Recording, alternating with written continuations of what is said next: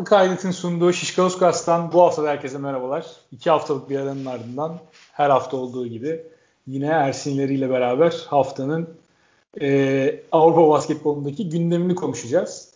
Bu hafta tabii önümüzde Final Four olduğu için Final Four ağırlıklı bir program olacak. Öncelikle tabii ki hoş geldin Ersin diyerek başlayayım. Hoş bulduk, selamlar, keyifli hafta sonları, keyifli günler, keyifli zamanlar. Özledin mi konuşmayı iki haftalık arada? Ee, özledim. Özledim. Vallahi özledim. Yani geçen hafta konuşmadık. Zaten geçen hafta bir şey... boşluk hissettin mi hayatında hafta sonu? Ee, geçen hafta hayatımda pek bir boşluk hissetmedim. Ee, ama o da geçen haftanın gündeminin, şampiyonluk gündeminin yoğunluğu, benim gündemimin yoğunluğu. O yüzden geçen hafta hissetmedim ama şimdi e, dün akşam seninle podcast kaçta yapacağız konuşmasında ya yapalım şunu be dedim. Evet Çok abi. dedim yani.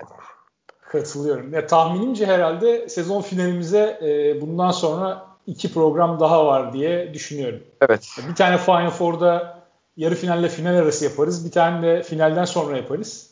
O programla beraber de önümüzdeki hafta finali yaparız diye tahmin ediyorum. Tabii e, yani bir sıkıntı olmazsa diyelim.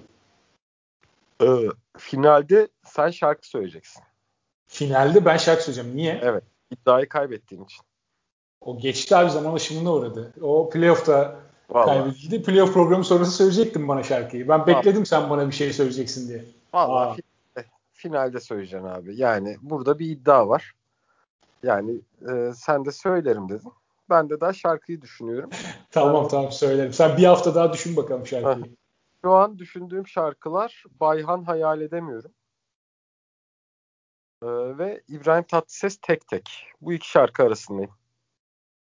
Tek Tek'i e, söyleyebilirim diye düşünüyorum ya. Yani severek söylerim. Yani e, çok böyle nefret ederek söylemem en azından ama Bayhan'ın şarkısıyla alakalı şu an hafızamda hiçbir şey yok. O yüzden bir şey söyleyemeyeceğim. Ee, ben seni şey yapacağım. Her türlü doneyi sağlayacağım. Maçı izledik. Öyle girdik programa. Karşıyaka Fenerbahçe. Evet biraz BSL ile başlayalım. Çok kısa oradan konuşalım. Sonra zaten programın büyük çoğunluğunda Final Four konuşacağız. Ee, Fenerbahçe'yi nasıl buldun diyeyim. İki tane eksik varken. Yani Dekolo ve Pierre'in yokluğunda Fenerbahçe bugün 71 sayıda kaldı. Ee, Karşıyaka'da ben maç öncesi eksikleri gördüğümde Karşıyaka'nın bu maçı kazanacağını düşünmüştüm. Evet. Ee, ya Karşıyaka'nın ağır basacağını düşünmüştüm şahsen. Çünkü Karşıyaka da fena savunma yapmayan bir takım. Ve onlar da aslında rüştlerini ispat ettiler Şampiyonlar Ligi'nde geldikleri noktayla. E, sezon boyu da çok iyi bir performans sergilemişti Karşıyaka lig genelinde. Her ne kadar son haftalarda Şampiyonlar Ligi'ni öncelik olarak belirleyip bazı maçlara genç takımla çıksalar da çok iyi bir lig sezonunda geçirdi Karşıyaka. E, bence hak ederek de kazandı bugün. Özellikle Metecan'ın performansı çok göze çarptı. Orada X faktör olduğunu söyleyebiliriz. E, sen nasıl buldun Fenerbahçe'yi? Öte yanda da Fenerbahçe hücumda adeta bal yapmayan arı gibiydi. Yani Alex Perez e, çok kötü bir Sulukas taklidi yaparak e, 16 saniye top sürüp topu potaya bile atamadan bitirdiği hücumlarla biraz Fenerbahçe taraftarını e, saç baş yoldurmaya e, sürükledi diyelim. Vallahi Fenerbahçe hücumlarını yani zaten işte Perez tercihi yani Dekolo'nun bir sakatlığını görmedim ben.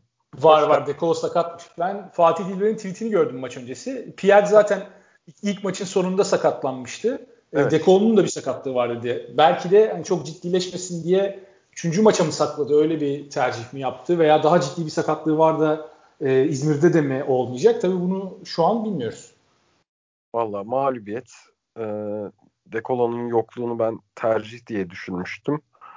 Ama işte Fatih'in tweetini görmedim. E, mağlubiyet yine de yine de Perez tercih eden Kokoşkova yazar diyorum. Her ne kadar Lorenzo Brown çok kötü bir sezon geçirmiş olsa da en kötü Lorenzo Brown'un bile Alex Perez'den iyi bir tercih olacağını ben düşünürdüm. Bu zamana kadar da hiç böyle bir tercih yapmamıştı Kokoşkov. Acaba orada Brown'un da mı sakatlığı var? O konuyla alakalı da bir bilgi sahibi değiliz şu an. Ama normal şartlarda ben Brown'un tercih edilmesini beklerdim. Çünkü e, tamam Brown çok kötü tercihler yapabiliyor vesaire ama en azından bir şeyler yapabilecek fiziksel kapasitesi var. Savunmada daha aktif bir vücut. Ee, Perez gibi hani hayalet gibi sahada gezen bir oyuncu değil. Perez Brown'dan bile kötü şut atıyor bu sezon. Perez'in profiline baktığın zaman Brown daha kötü bir şütör gibi görünebilir.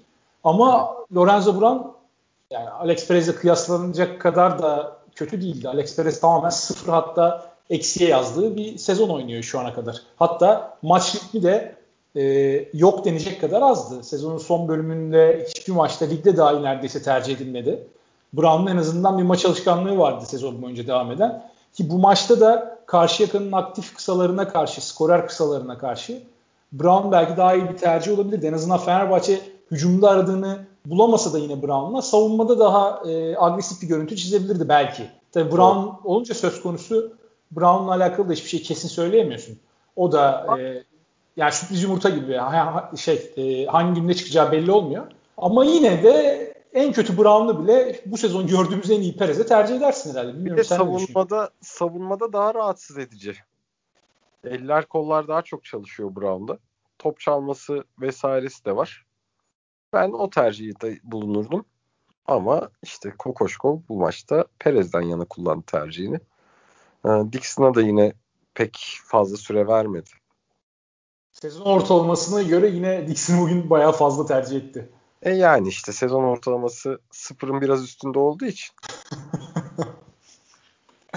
biraz mecbur kaldı. İkinci çeyrek yanılmıyorsam Dixon girdi bir böyle bir top çaldı, e, bir üçlük attı. Orada kısa bir etki yaptı ama ikinci yarıda da Dixon'dan çok bir şey alamadı oyuna girdiği sırada. Evet ama yine de işte neden Dixon'ı hiç düşünmedi? Bu sezonluk Fenerbahçe'nin dertleri aslında maalesef. Bu tarz dertleri var takım kurulumu ve şey açısından.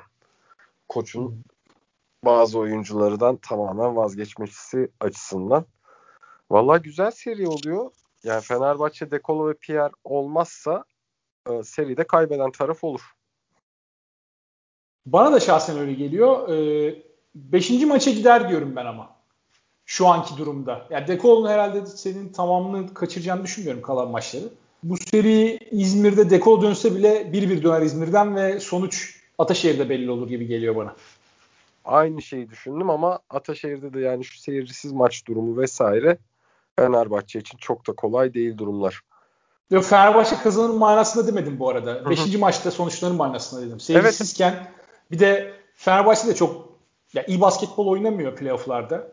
Ee, ilk turda da çok iyi basketbol oynamadı Darüşşafaka serisinde. O yüzden e, Karşıyaka da potansiyeline yakın oynuyor bence. Karşıyaka isim üstünde Fenerbahçe'ye kıyasla. O yüzden Karşıyaka'nın kesinlikle bu seride şansı var ve e, üçüncü maçta bir galibiyet alırlarsa favori konumuna geçebilirler. Bugün maçtan sonra Ufuk Sarıcı hala Fenerbahçe favori dedi tabii. O da e, biraz rehavete girmesini önlemeye çalışıyor kendi oyuncuların. Fenerbahçe'nin çok önemli bir derinliği var. Bugün iki oyuncuyu e, kullanamamış olsalar da çok önemli bir takım ve bence hala Fenerbahçe favori dedi seride. Ama bu gidişatı çevirebilir Karşıyaka. Bence de öyle. Ama işte şey e, Karşıyaka'da da şöyle bir dezavantaj var. Ya bugün mesela Taylor'da o belliydi. E, DJ Kennedy'de yine belliydi. Karşıyaka e, 15 gün içinde iki şey oynadı. 3 Final Eight yani 18 gün içinde 3 Final Eight ve 4 playoff maçı oynadı. 2,5 günde bir maç ve bunların hepsi önem düzeyi yüksek. Aynı zamanda mental yorgunluk getiren maçlar ve yine bir pazartesi daha yolculuk üstü oynayacaklar. Her ne kadar yolculuk İstanbul-İzmir arası kısa bir yolculuk da olsa.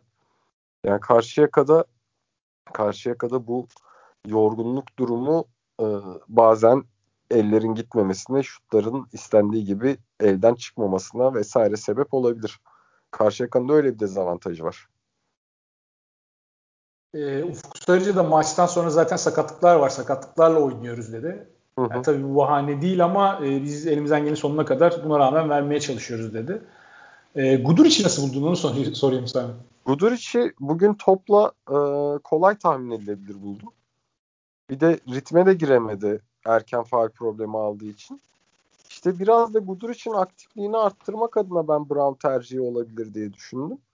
Guduric hücumdaki ana birinci top taşıyıcı opsiyon olarak her zaman her zaman çok da şey başarılı olamıyor. Bir de karşısında da Sekenri, DJ Kennedy gibi e, atlet savunmacılar da varken çok kolay değildi Gudur için işi ama bu kadar da kötü performans beklemiyordum. Tabii maçın ritmine girememesi üstüne bir de işte tam bu rolün oyuncusunun olmaması Guduric'i etkiledi.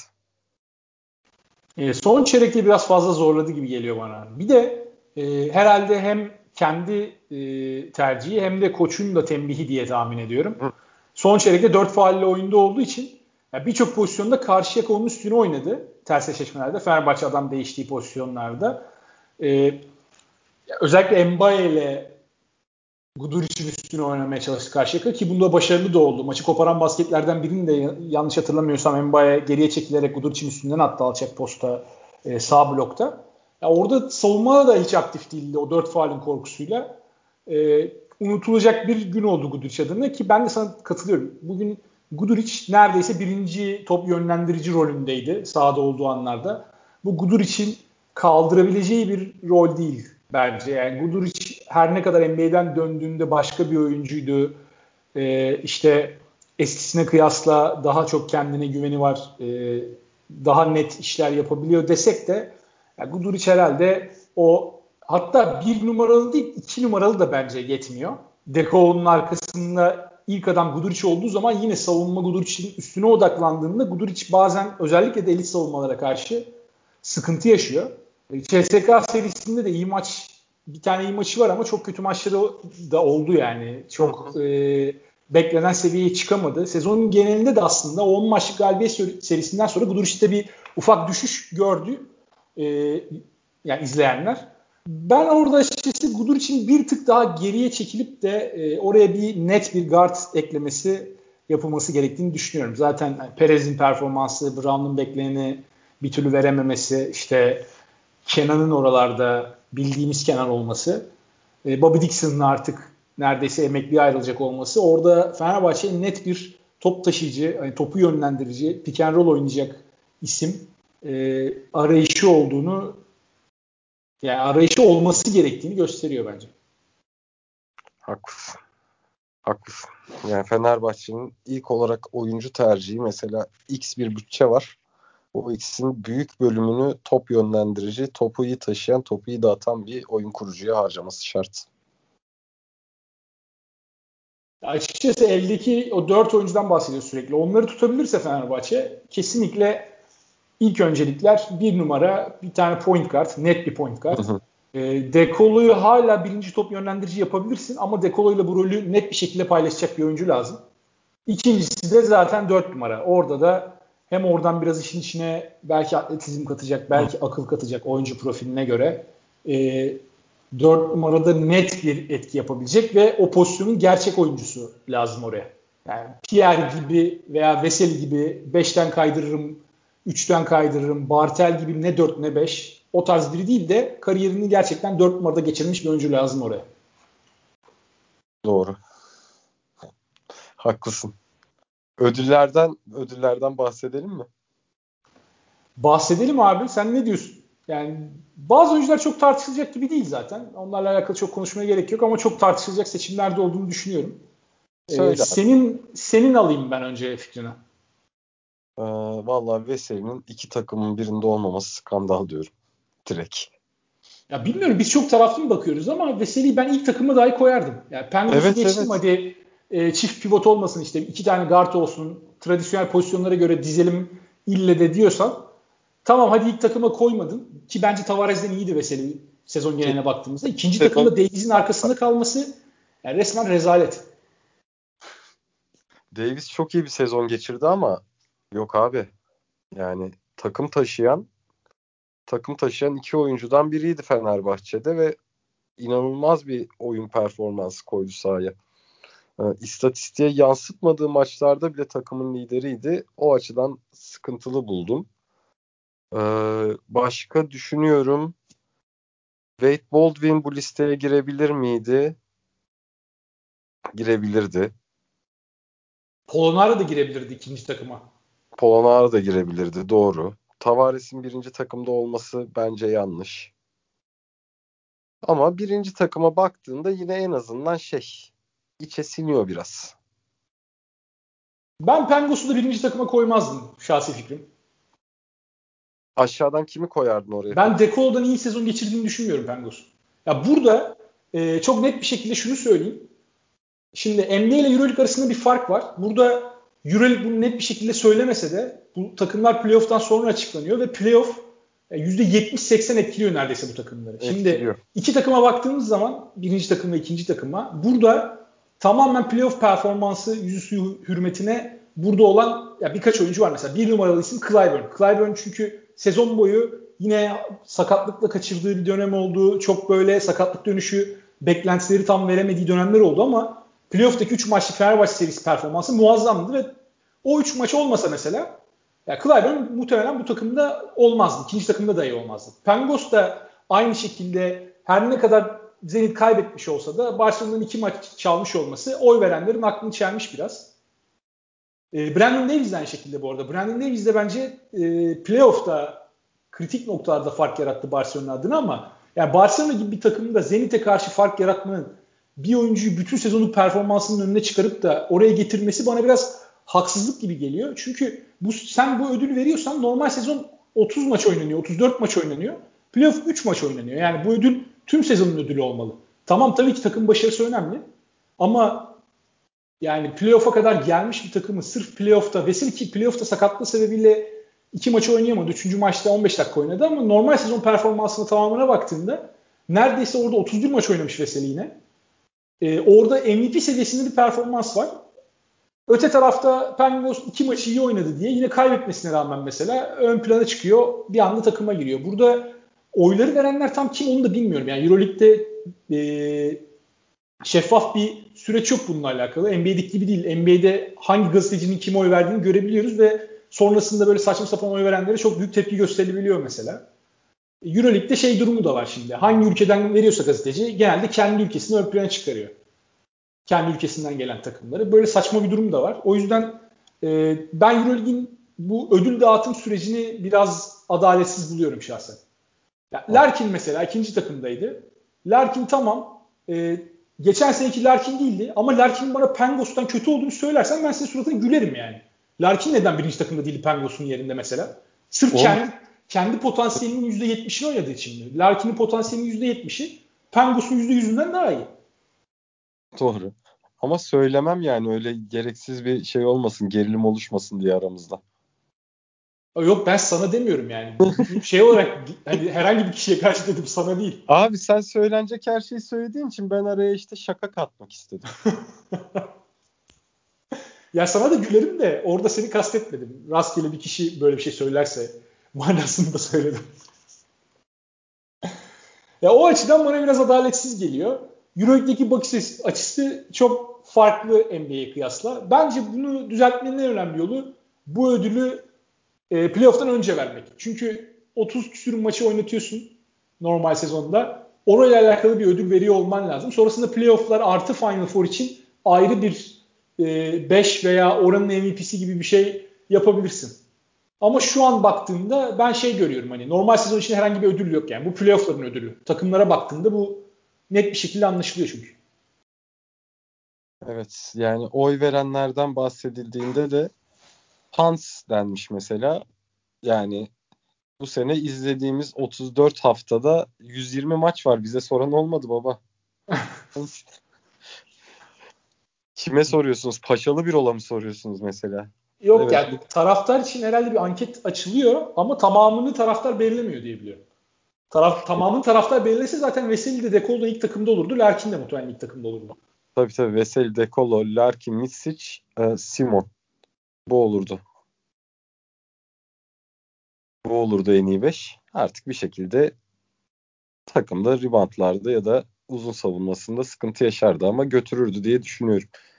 Ee, Valla bu genel oylama işleri hakikaten kolay değil. Bir yandan işte tamamen objektif değil oy verenler. Bu arada herhalde dünyanın her yerinde böyle. Çünkü sonuçta birçok iyi oyuncu var. Öyle de bir durum var. Ve oyuncular içinden en iyiler seçiliyor. İşte Mitsic gibi. Yani Mirotic mesela yine standardı ama sonuçta verdiği katkı ona göre. Mirotic gibi e, bu tarz bu tarz oyuncularda durumlar biraz daha normal ama işte o arada kime alınacak işte Clyburn tercihi dediğin gibi. Ee, ondan sonra düşüneyim işte Pengos tercihi Zenit'te bu işleri yapabilmesi ve kritik maçlarda yapabilmesi. Davis liderden ikinci bir adam koyalım. Bu da hepten şey oluyor. Ee,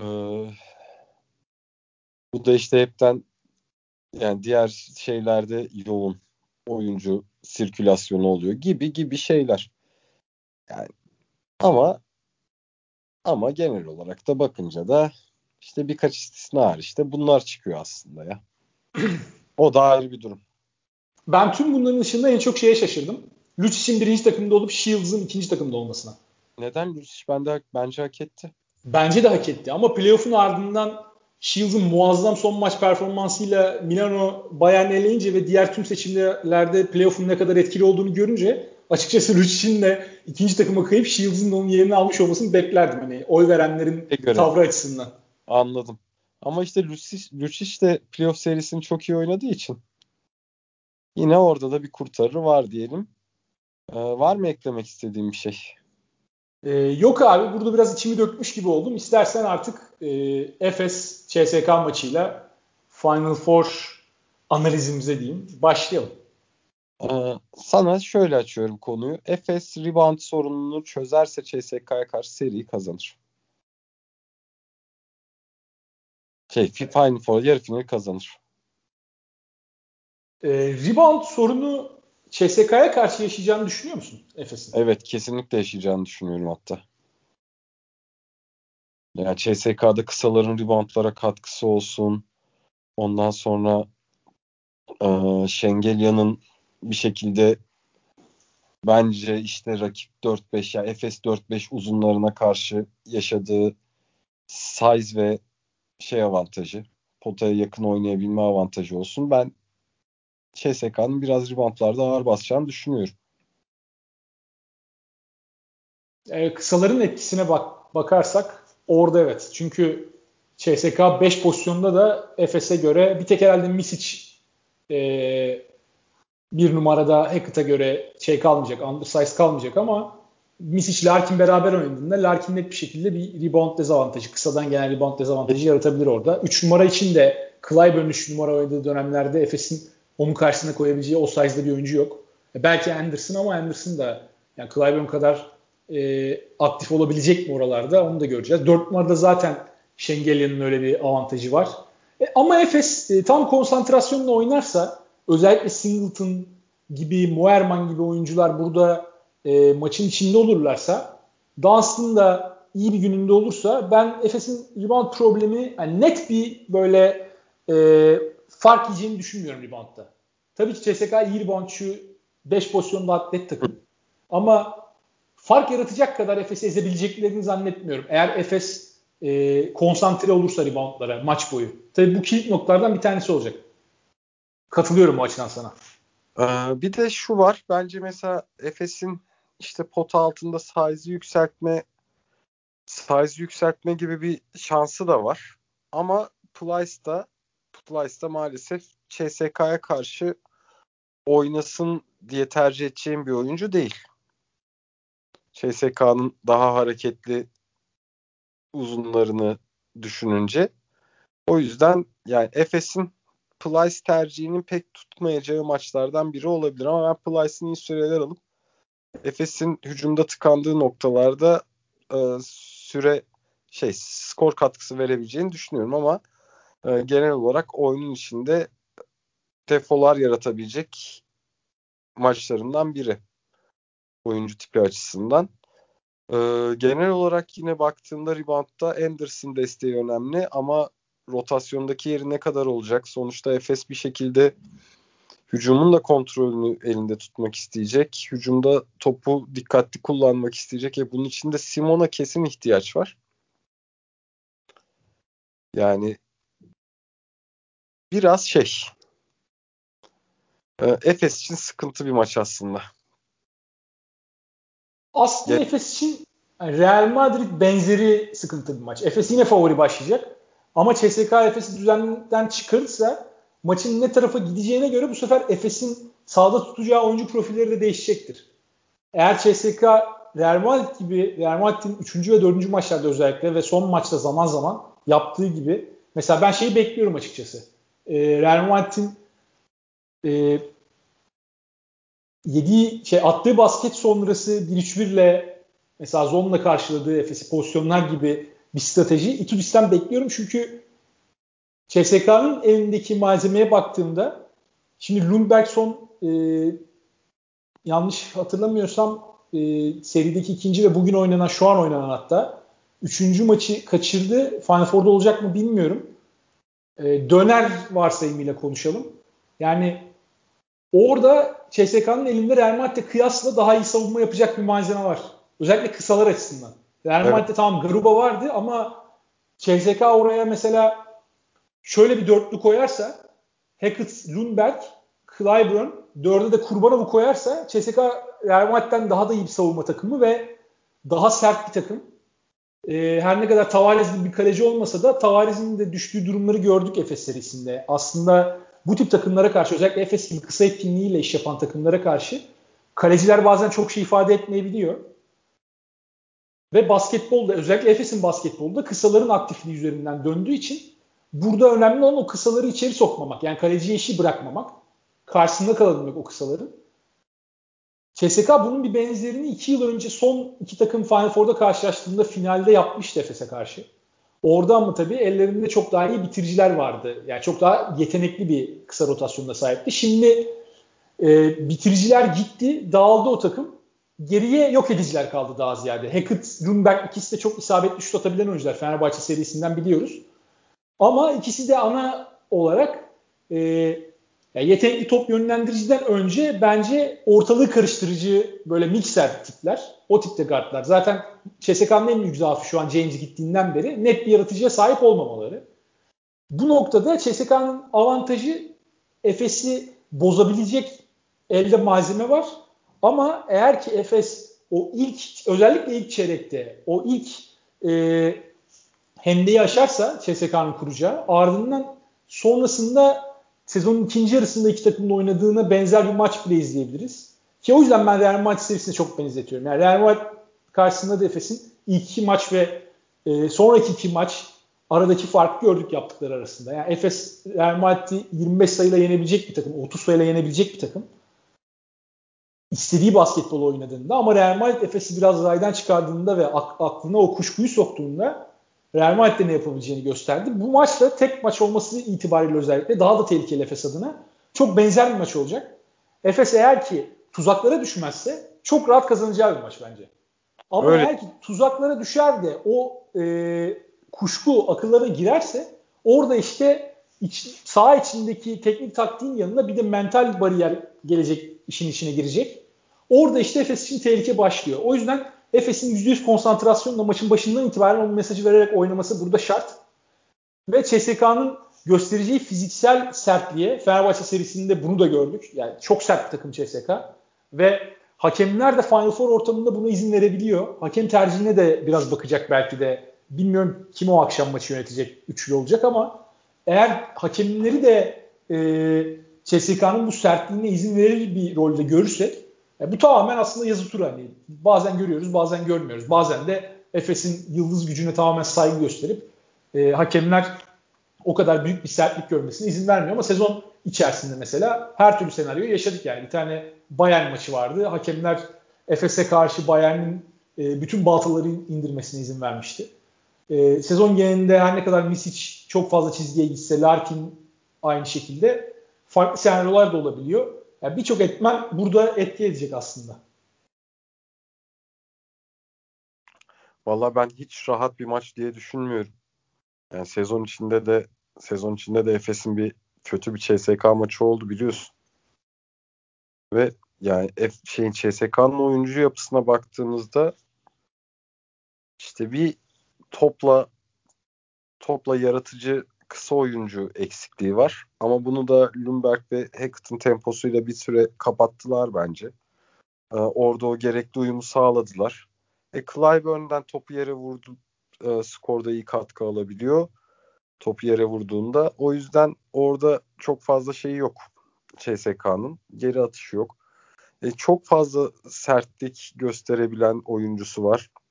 E, ayakta ayakları yere sağlam basıp kalabilen çok fazla oyuncusu var. E, onun dışında şey var. Hmm, bir şekilde uzunlardan şut performansı da alabiliyor. Alanı alanı iyi açabiliyor. Yani baya baya zor bir maç. Ve dediğim gibi Efes'in yani bir de Real serisini Efes böyle yaşayınca tam Efes'in panzehiri CSK'da.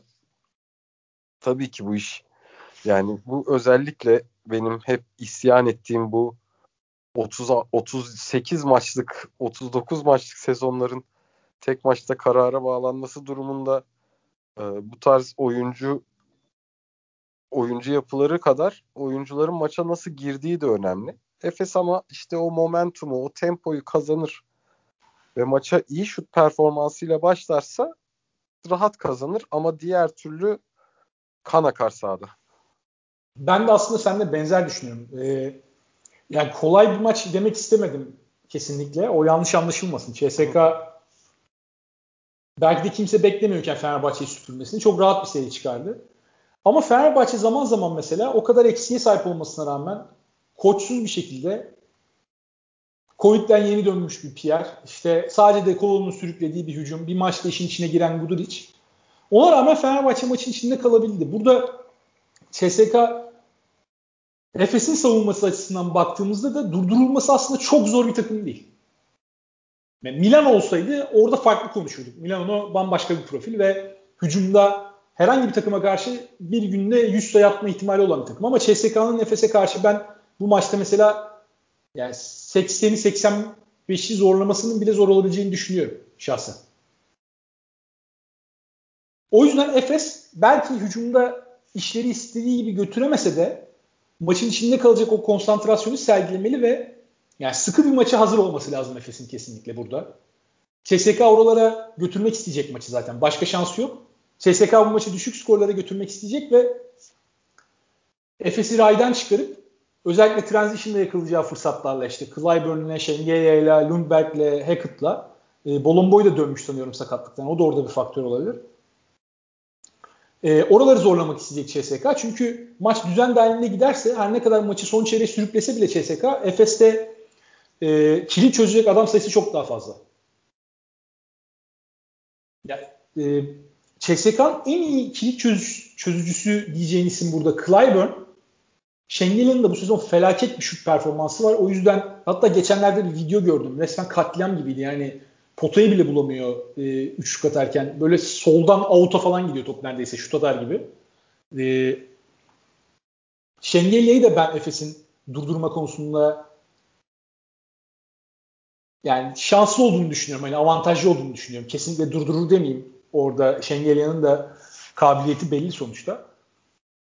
Ama ya Clyburn dışında hadi biraz Hackett, Lundberg diyelim ama bunları Efes'in elindeki isimlerle ve oyuncu profilleriyle yan yana koyduğumuzda işte Larkin, Misic zaten ilk akla gelen isimler ama Boboa, Simon e, zaman zaman buralarda bu rolleri alabilen e, ya Sertaç'ı bile ben oraya koyabilirim neredeyse. Çok kilit performans sergileyebilen bir oyuncu. İşte Singleton'ın Real Madrid maçın son e, Real Madrid serisinin son maçındaki performansı derken Efes çok daha potansiyelli bir kadroya sahip ve elinde de haliyle çok daha fazla opsiyon oluyor hücumda sıkışan bir maçta işi çözmek adına. Real Madrid maçı, Real Madrid serisinin son maçını düşünebiliriz burada en önemli örnek olarak. Belki Real Madrid maç geneline baktığımızda Efes'i bozmuş gibi göründü ama iş oraya geldiğinde yine Efes kilidi çözen taraf oldu. Elindeki bireysel yeteneği de kullanıp. Burada da Efes rahat bir maç çıkaramasa bile iş oralara gittiğinde yine bir adım önde olacak. Sadece sakinliğini koruması lazım Efes'in ve e, kesinlikle panik yapılmaması gereken bir maç. CSK 5 sayı 10 sayı bile öne geçebilir. İyi bir oyun planıyla ona, oyuna başlarsa. İtudüs'ten çünkü ben farklı bir şey bekliyorum Lasso'nun yaptığına benzer. CSK o şekilde öne de fırlayabilir ama Efes oyun düzenini koruyup sabırlı bir şekilde kendi oyununa dönerse maç içerisinde bir noktada Efes'in e, alıp gidemeyeceği bir fark yok yani. İlk yarıda yani 20-25 sayı yese Efes maç bitti der misin mesela? Yok demem. Yani o derece yani. Efes'in o derece bir yetenek avantajı var CSK'ya karşı. O yüzden Efes'in sadece sakin kalıp oyunu oynaması lazım bütün maç. İşte ya oyuna panzehir var diye düşünüyorum ya.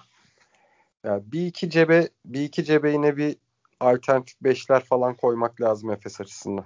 Onu kesinlikle koymak lazım. Yani burada zaten farkı yaratacak şey belki de o olacak. Itudis bir hamle yani, yapacak. Ergin Ataman karşı hamle geliştirecek ona karşı. Karşı hamle geliştirmesine gerek bile kalmayacak bir durumda olursa Efes maç boyu o zaman amenna. Zaten öyle bir şey gerek kalmayacak. Ama eğer iş o noktaya gelirse orada kesinlikle bir hamle gerekecek maç sıkıştığı anlarda mesela bu Singleton'ın 5 numaraya çekilmesi olabilir işte veya James Anderson daha fazla süre alması olabilir. Ee, Anderson'ın 4 numarada kullanılması olabilir. Eğer Clyburn oradan çok sıkıntı yaratırsa. Moerman Singleton 4-5 e, hücumda 5 dışarıda oynanabilir. Bu tarz şeyler yapılabilir. Aynen öyle. Ben de sana katılıyorum. Ama işte Efes'in bunları düşünerek çok da normal sezonda iyi yaptığı şeylerden kopmaması lazım. Ya işte bu tarz maçlarda bu tarz maçlarda e, dediğim gibi bence birinci faktör birinci faktörler maça nasıl girdiğin ya da ne kadar yani o an o gün formda olduğun maç formuna ne kadar sahip olduğun İkinci faktörlerde ne kadar ikinci faktörde ne kadar fazla B planına sahip oldun. Bence Tabii, bu önemi büyük. Katılıyorum. Yani ama ben her zaman için yani B planı, A planı, B planı, C planı, D planı konuşuyoruz hep. Hı hı. Bunu biz de yapıyoruz ama o gün hangi oyuncunun yataktan nasıl kalktığı bile etkiliyor bunu. Larkin çok iyi bir gününde olursa o gün 30 atacağım diye gelen Larkin o verimli bir şekilde 30'u atarsa bu maçı oynanmasına bile gerek yok mesela. Öyle de bir durum var. Doğru. Ama yani bu ben... çok belli. O yüzden Final Four biraz da adaletsiz bir sistem. Ya iyi takımlar için de adaletsiz, sezonu daha iyi bitiren takımlar için de adaletsiz. E, kötü takımlar için de zaman zaman adaletsiz olabiliyor. Yani underdog gelen takımlar için de adaletsiz olabiliyor. E, tabii underdog takımlara kesinlikle daha fazla şans veriyor rakibini eleme açısından. Burada CSK için bu bir avantaj olacak. Bütün baskı şu an Efes'in üstünde. Sezon ortasında Mike James'i kaybetmiş, Milutinov'u kaybetmiş bir CSK var. Efes belki de Final Four'un favorisi. Yani Barcelona, Barcelona ile beraber 1A 1B gibi gözüküyor şu an. Ee, ya bütün baskı Efes'in üstünde olacak. CSK çok iyi bir oyuncu performansıyla muazzam bir Clyburn'da mesela bütün sezonun e, gidişatını bir akşamda değiştirebiliyor. Ama tabii bütün takımlarda sezonun başından bu formata evet dedikleri için ve yıllardır 20 yıl aşkın bir süredir artık hatta 20 yıl da değil yani Euroleague'de 20 yıl. Öncesinde FIBA Şampiyonlar Ligi'nde de Final Four e, Şampiyonlar Ligi diyorum pardon. FIBA Euroleague döneminde de e, uzun süre Final Four oynandı. Artık herkesin alışkın olduğu bir sistem ve Avrupa basketbolunu biraz da renklendiren bir sistem açıkçası. Her ne kadar biraz e, adaletsiz desek de ben renklendirdiğini düşünüyorum. Yani tek bir event olması böyle yılın sonunda her şeye nokta koyan taraftarların buluşması her sene her her ne kadar bu sezon olmayacaksa da e, renkli bir eventle bitiyor sezon ve her takım da buna en başından evet diyor. E, adaletsiz adaletsiz ama takımlar da planını buna göre yapıyorlar ve bununla yaşamak zorundalar. Bakalım artık göreceğiz yani. Hakikaten böyle maçlarda maç öncesinde hiçbir şey söylemiyorsun. Aynısı Barcelona e, Milano maçı için de geçerli. Tamamen beklentinin dışında gelişen şeyler olabiliyor ve bir anda işler tam tersine dönebiliyor. Bunun o kadar çok örneği var ki son 15-20 yılda yani benim e, yakından takip ettiğim dönem, dönem olarak söyleyeyim en azından. Sen daha öncesinden de belki hatırladığın maçlar vardır. Ya aklıma gelen mesela 3-4 tane maç direkt kafadan sayayım. İşte Maccabi'nin Real Madrid e, finalde yenmesi, Olympiakos CSK finali, ertesi sezon Londra'da Olympiakos'un CSK'yı yarı finalde elemesi. Yine kimse beklemiyorken. O sezon Olympiakos'un gibi Real Madrid'de finalde yenmesi. Real Madrid ağır favoriyken. Ee, başka mesela neler sayabiliriz? Ya Panathinaikos'un işte gelip de Barcelona'yı playoff'ta eleyip de gelip şampiyon olması yine kimse beklemiyorken. Kötü bir durumdayken de aslında sezon boyu baktığımızda. Bununla alakalı o kadar çok örnek var ki. Yani Final Four gerçekten bambaşka bir ortam. Biraz da e, takımların saha içi kabiliyetini ölçtüğü kadar kafa içindeki o mental e, azim diyelim, o azmi ölçtüğü de e, bir ortam oluyor Final Four ortamı. Yani bir de şöyle de bir şey var. Eğer bir kulüp sezon içerisinde kendisini Final Four'a atabiliyorsa oranın direkt favorisi konumunda. Yani şu an Milano şampiyonluğunun ihtimali e, %15 diyelim. Ama Barcelona şampiyonluğu ihtimali de %35. Efes 30 diyelim işte ya da dur. Evet Efes 30, CSK 20. Yani arada aslında makaslar. Aynı şey playoff serisi oynanacak olsaydı şu dört takım arasında yani Efes'le Efes'le Barcelona'nın şansları belki yüzde kırkardı. Diğer takımların şansı yüzde onardı. Hatta daha da fazla olurdu. Eğer bir playoff serisi oynanacak olsaydı Barcelona Milano serisinde yani Barcelona daha büyük favori olurdu. ya Aynı işte, şekilde Efes de CSK'ya karşı e, daha büyük favori olurdu. Yani Milano'nun iki tek maçı geçme ihtimali iki playoff serisini geçme ihtimalinden daha fazla. Efes'le ilgili de Efes CSK ile de ilgili yani bence e, Cuma gecesinin maçı aynı zamanda. Daha iyi olan maç da o. Ben iki maçın da çok iyi maç olma potansiyeline sahip olduğunu düşünüyorum. İşte ama Barcelona Milano maçının da Barcelona'nın tempo öldürüp sadece sertliğe odaklanıp Milano'yu baştan sindirmek istemesiyle falan faul çizgisinde geçebileceğini düşünüyorum deyip hemen geçtim o maça. Nasıl geçtim ama? Güzel geçtin. Çok e, kaymak gibi bağladın yani. Ee, Pürüzsüz bir geçiş oldu. Çözdük moderasyonu. Kaç sene oldu? ya o tarafta ben güzel bir maç izleyebileceğimizi düşünüyorum. Milano'nun biraz bu guard performansına, orada yaratıcılarından alacağı performansa bağlı. Eğer Milano'nun attığı bir güne denk gelirsek o zaman güzel maç olur. Eğer Panther, Delaney, Rodriguez'in iyi olduğu bir güne denk gelirse Milano. Çünkü Milano'nun hücum performansı bu isimler artı Shavon Shields'ın ne yarattığına bağlı. Eğer buradan Milano iyi bir şeyler çıkarırsa hani o dörtlüden ikisi ya da üçü gününde olursa ve düzen dışı dahi olsa hani takımı hücum olarak yükseltebilirlerse o zaman Milano ritme girecektir ve maç sonuna kadar işi götürür. Ama e, bu isimlerden yani aldığı katkı limitli olursa o zaman senin dediğin formata dönebilir iş. Yani Barcelona'nın uyuttuğu, savunmada bezdirdiği Milano'yu, fiziksel avantajını kullandığı bütün pozisyonlarda e, bir maça dönüşürse orada da Barcelona çok daha ön plana çıkıyor. Tabii bu ihtimalin gerçekleşme olasılığı senin de dediğin gibi daha yüksek bence de. E, o yüzden kötü bir maç demeyeyim de daha sert böyle daha düşük tempoda e, biraz izlerken insanı başka kanalları açmaya yönlendirecek bir maç olabilir orada.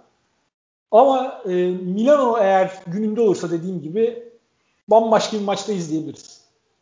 Valla şimdi de şey yani ben dedim ya CSK'ya şey CSK için e, Efes'e panzehir. İşte burada da Barcelona Milano'ya hem zehir hem panzehir. Yani hem Milano'yu çok net durdurabilecek e, şekilde bir yapısı var. Kadro yapısı var. Çünkü Milano Milano guard performansından verim alamadığında bir şekilde birebirlere dönmek zorunda kalıyor. Barcelona ligin en iyi birebir savunması yani en iyi oyuncuya sahip midir bilmiyorum ama totale baktığımızda birebir savunma yapabilecek en fazla oyuncu sayısı Barcelona'da EuroLeague'de. Hem size avantajı hem oyuncuların hem oyuncuların şeyi e, bunu yapabilmesi. Bir de şöyle bir sıkıntı var e, Milano açısından. Milano'nun yine rebound pro- problemi çok büyük. İşte Milano'nun ana yani 5 numaradaki ana parçası hatta takımın kolonlarından biri Heinz. Heinz'ın bayağı büyük bir size dezavantajı var Barcelona uzunlarına karşı. Ya yani o her zaman işte şey yetmiyor. Hmm, her zaman nerede duracağını bilmek yetmeyebiliyor. Ve ekstra yoruluyorsun. Kendinden daha uzun, daha güçlü, daha şey oyunculara karşı oynadığında, yer kaplayan oyunculara karşı oynadığında her zaman e, nerede olacağını bilmek yetmeyebiliyor. O yüzden yani Barcelona açısından ben Efes'in CSK'ya karşı zorlanacağı kadar zorlanacak bir maç beklemiyorum. Ben de Barcelona yönünde görüyorum. Dediğim bu arada ilginç ilginç bir konu. Rebound mevzusu ve Kyle Hines mevzusu. Ama orada e, Messina öyle artık çaresiz mi diyelim ya da e, seçme şansı olmadığı bir durumda ki ya Heinz'i seçmek zorundasın. Çünkü Heinz'i koymasan oraya bu sefer kısalar delecek. Heinz'la en azından switch yaptığın zaman muazzam bir kısa savunmacısı var elinde ve perimetrede Barcelona'da kısalara bakıyorum. Savunamayacağı bir kısa yok. Yani Larkin gibi bir oyuncu zaten kimse de yok da hani Misic gibi bir oyuncu da yok Barcelona'da. Barcelona'nın bu sezonki en büyük zaafı bu zaten. Ya kısalardan o net yaratıcı hani triple threat dediğimiz işte hem şutu hem pası e, tüm tehditleri olur ya bir oyuncunun. Yani o üç tehdidi bir araya getiren bir oyuncu yok Barcelona'da. En yakın oyuncu buna Higgins. Ama Higgins de klasik bir guard değil. Guard alışkanlıklarıyla oynayan bir oyuncu değil. Daha ziyade bitirmeye yönelik bir oyuncu. O yüzden orada e, Heinz problem yaratabilir. Barcelona kısalarının karşısına geldiğinde. Ama işte orada senin dediğin durum ortaya çıkıyor. Barcelona tekrar tekrar tekrar tekrar aynı hücumu 5 kere falan yaptığı pozisyonları izleyebiliriz Barcelona'nın. Atacaklar, girmeyecek, alacaklar geri tekrar hücum edecekler. Ee, bunu Milano'ya karşı CSK'nın yaptığını hatırlıyorsun Milutinov'la. Barcelona yine bunu çok yaptı bu sezon. Yani hücum imaplarında çok domine ettikleri maçlar oldu. İlk aklıma gelen zaten İstanbul'daki Fenerbahçe maçı mesela. Evet. Orada Brandon Davis çok iyi bir hücum reboundu performansı sergilemişti ve e, içeriği birbirine katmıştı. Fenerbahçe iyi savunma yaptığı bir maçta Barcelona'yı durduramamıştı. Çünkü Barcelona her hücumda gelip 3 defa atıp öyle gidiyordu. Üçüncüde de artık sokuyorlardı yani yetenekli takım. Ve böyle bir durum Milano için de geçerli olabilir. Milano'nun en büyük zaafı bu. Eğer orada e, hem savunmada zaaf sergilemeyecek hem de reboundlara hakim olabilecek bir uzunu olsa Milano'nun yani Heinz'in yerine değil de en azından 15-20 dakika oynatabilecekleri bir alternatif olarak Milano çok daha büyük problem yaratabilirdi Barcelona'ya. Yani genel olarak da bakınca işte mesela diyorsun ya Heinz oyuncuların karşısında iyi kalıyor. Bütün oyuncuların karşısında kalıyor. Doğru. Ama e, Shields bence iyi savunma performansı sergiliyor. En top seviye olmasa da. Bu da iyi. Panther yine oyuncu özelliklerine göre gayet iyi ama işte yani Higgins'in birebirini Heinz savundu. O ara Shields yardıma geldi. Higgins'i sıkıştırdı. E, Higgins'in pas yeteneği iyi kötü var. Hop hiç olmayacak adamı Oriola'ya çıkardı mesela. Barcelona'da skora yönük iş skora dönük iş yapamayan oyuncu neredeyse hiç olmadığı için orada da yine tek başına yetmeyecek bir de üstüne rebound sıkıntısı yani Heinz'ın kısayla kaldığı dakikada pot altı zaten Allah'a emanet. O yüzden yani düşünüyorum şeyden çıkamıyor yani. Milano savunmada savunmada çok çözüm bulamıyor. Milano alan savunması dener mi? Ya alan savunması reboundu daha da e, büyük zaaf haline getiren bir savunma tipi olduğu için denemeyebilirler. Barcelona'da da çok fazla keskin şütör var ve ortadan o e, dirsek dediğimiz bölgeden alan savunmasını net bir şekilde açacak 4 numara veya oraya koyabilecekleri bir 3 4 profil oyuncu da çok fazla. İşte Hanga'yı koyar oraya, Mirotic'i oraya atar falan. Oradan bir anda bütün savunmayı delebilir. Ben o yüzden çok zannetmiyorum ya. Bu sezon Milano'dan hiç gördük mü alan savunması hatırlıyor musun? Efendim? Milano'dan hiç alan savunması gördük mü bu sezon? Ben hatırlamıyorum çünkü de sen hatırlıyor musun? Ben de hiç hatırlamıyorum. Ben de hiç hatırlamıyorum. Bayern maçının Bayern serisini düşüneyim. İlla döndüğü olmuştur. O da şu an aklımda kalmadı. Biraz daha atlet bir takım olsaydı Milano, özellikle guard profil açısından, e, o zaman belki düşünebilirdi. Hani ben CSK'nın daha yatkın olduğunu düşünüyorum alan savunması yapmaya. Ama Milano tarafında yani bilmiyorum hani şey açısından olabilir belki. İşte dışarıda bir numara iki numara e, guard ikilisi Çaço'yla Panther'ı veya Çaço Delaney'i oynatmak zorunda kaldığı zamanlar illaki olacak. Oralarda savunmada çok büyük zaaf yaşamayayım diye belki hani birebir bırakmamak adına Rodriguez'i birileriyle e, belki oralarda düşünebilir. Ama bana çok e, olası gelmiyor. Tabii yani bunu söylerken de çok büyük bir koç var Milan'ın başında. Hani buralardan defalarca geçmiş bir adam. 90'lardan beri e, buralarda olan bir adam. Yani bu seviyede olan bir adam. Hı hı. Sadece koç kariyerinden de bahsetmiyorum. Messina da bir şeyler çıkartacaktır o arka cepten. E, ben şey olacağını zannetmiyorum yani. Milano'nun illaki bütün sezon boyunca e, Messina'nın kafasında olan takıma çalıştırdığı ama sezon boyu çok göstermediği bir şey illaki burada gelecektir. Öyle kolay teslim olacağını da düşünmüyorum diyorsun. Ee, evet yani kolay teslim olacağını evet düşünmüyorum. Hani maçta bir Barcelona atıyorum çift tanelerle kazanabilir ama Milano ben kolay kopmaz diye düşünüyorum maçtan. Ee, düşünelim başka bir de şu var. Kalates'i ne kadar riske edecek sence? bence bir numaralı stratejinin olması lazım. Yani son haftalarda Karates biraz daha iyi atıyor. Hı hı. Zenit serisinde de e, yanılmıyorsam bir iki maçta fena atmadı. Ama Barcelona'yı yenmek istiyorsan bir numaralı stratejinin her zaman bu kadroya karşı Kalates'i riske etmek olması gerekiyor. Yani savunmada ağırlığı savunmada ağırlığı Kalates dışı oyunculara yakın savunmayla verip gerekirse top Kalates'in elinde bıraktır. Gerekirse şutu Kalates'e attır. Artık ondan sonrası gelen kısmettir ya. Ee, ben bu arada şöyle bir senaryonun da e, ihmal edilmeyecek kadar olası olduğunu düşünüyorum. Yani Barcelona'nın hücumda o durağan haline büründüğü, yani hiçbir şekilde e, sistem dahilinde ritim bulamadığı ve hep birebirlere döndü. O yüzden düşük skorda kaldı ve Milano'nun böyle iyi gününe denk gelip de bir anda patlayıp gittiği bir maç da olabilir bence. Ya o sürpriz ihtimali oradan bana burada e, bu sebeple hani fena gelmiyor. İşte ben oyun konsantrasyonunun Barcelona'da hep tepede olacağını düşünüyorum. E, savunmada bir... belli bir seviyenin üstünde kalırsa Barcelona bu maçı kaybetme ihtimali çok zor. Yani bence, çok düşük. Bence de yani o yüzden çok fazla kopuş yaşayacaklarını düşünmüyorum. Ee, başka ne Ama var? onların da mental problemleri var abi. Hani hep Efes'ten konuşuyoruz mental problemlerden bahsederken e, Real Madrid serisi özelinde genel olarak. Sezon genelinde çok böyle bir şey görmedik. Sezonun Yok, ilk sezon 15 haftası sonrasında. Hı hı. Yok oradan sonraki dönemde. Sezon sonuna gelene kadar. Barcelona bence sezon boyu benzer problemleri yaşadı. Yani Barcelona'da ben hiçbir oyuncunun tamam biz burada %100 şampiyon oluruz güveniyle gittiğini zannetmiyorum Köln'e.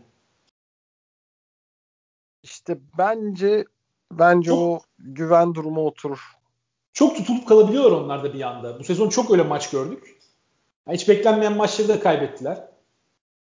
Ee, sezon öncesi Barcelona sezonu 10 mağlubiyetle bitirir diye düşünmüyordum ben. Daha fazla galibiyet alacaklarını düşünüyordum bu kadroyla. Ve kazandıkları birkaç maçta da hiç e, bekleneni verdiklerini düşünmüyorum. Yani sezon boyu Barcelona iyi basketbol oynadı dediğim bir dönem olmadı. Playoff'larda bunu sağlaması oldu. Zenit serisi de. İzlemesi en zevksiz 2-3 takımdan biriydi. Ya bu kadar yeteneği sahip olup da bu kadar izlemesi zevksiz başka takım yok bence. Yani bu konuda da Yasikevicius'a tekrar kocaman tebrikler. Sistemlerimizi iletiyoruz abi. Gerçekten yani Zalgiris'te o kadar izlemesi keyifli bir takım yaratıp buraya geldiğinde işlerin tamamen tersine dönmesi ya bilmiyorum belki önümüzdeki sezon işler farklı olacaktır. Sistemi oturtmak için hı hı. E, bazen koçlar daha uzun zamana ihtiyaç duyabiliyorlar. Koçlara haksızlık da yapmamak lazım. Yani bazen takım içi dinamikleri de bilmeden dışarıdan çok atıp tutuyoruz. Orada oyuncuların bu sisteme yatkınlığı ve ne kadar bu sistemi oynamayı kabul ettikleri de önemli olabiliyor. Oyuncu profili de önemli olabiliyor. Yani bazen e, bir malzemeden senin düşündüğün şey asla çıkmıyor ve onu zorlamanın da manası olmuyor. Yani, e, koçlar için hep diyoruz ya elindeki malzemeye göre takım yapması daha önemli diye. Belki de Barcelona çok çirkin bir basketbol oynayarak Euroleague'i kazanacak takımdır. Yani Euroleague kazanmasının yolu çirkin oynamaktır Barcelona'nın. Bunu da bir yandan düşünmek lazım. Ama tabii bir izleyici olarak ben daha keyifli bir Barcelona takımı görmek isterim maçı açtığımda. Barcelona ön planda olan bir takım ve izliyoruz yani sık izlediğimiz bir takım. Ama o keyfi alamıyorsun Barcelona'dan.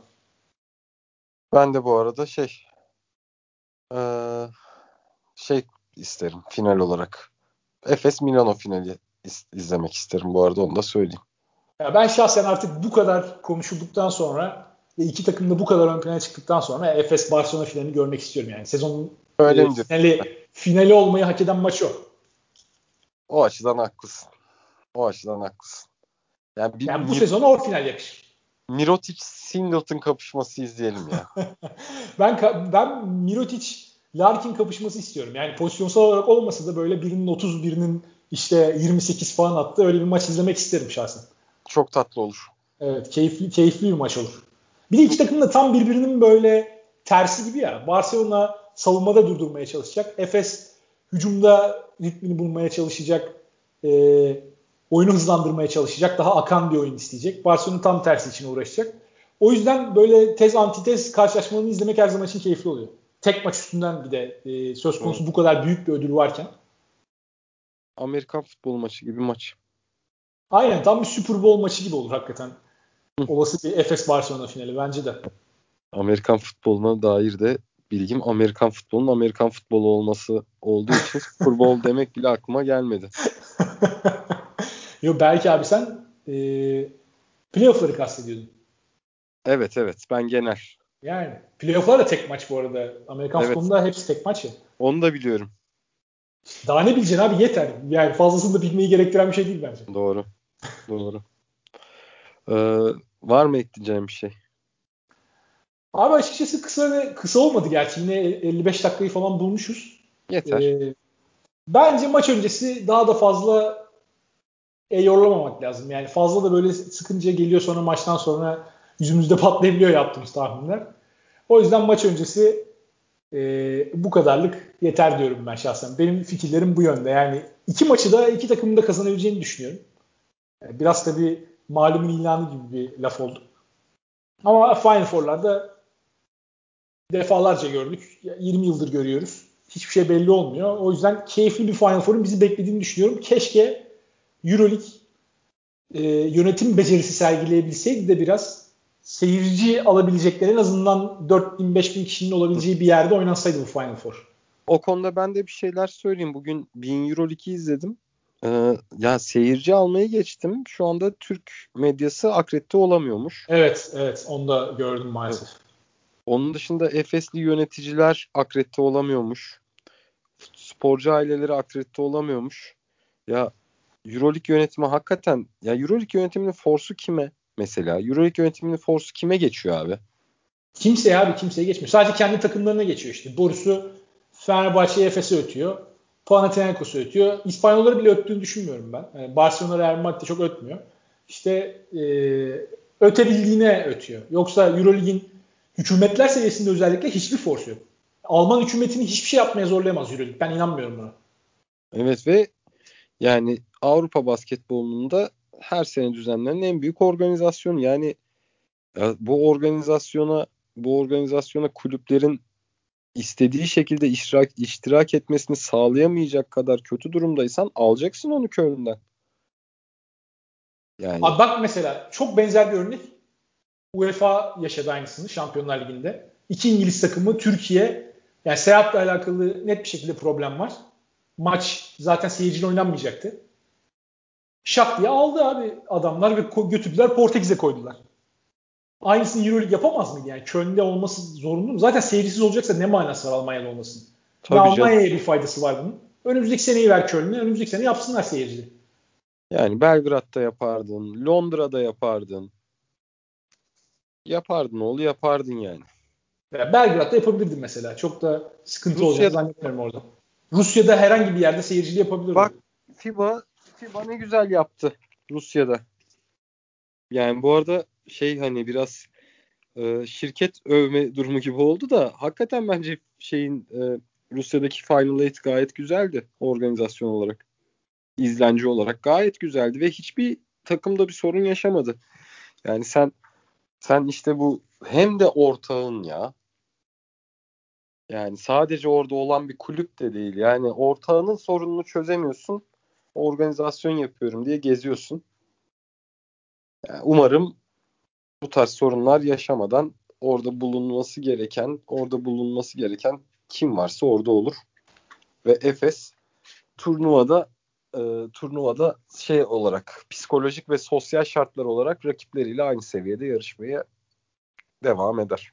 Evet mesela ailelerin vesaire orada olamaması oyuncular için yani haksızlık. Bütün evet. e, takımlar orada ailesini, arkadaşlarını vesairesini işte getirebileceği kadar insanı getirmişken ve tribünde onları izleyebilecekken Efes'in bunu götürememesi oyuncular adına psikolojik olarak da büyük bir dezavantaj bence. Bu haksızlık adeta.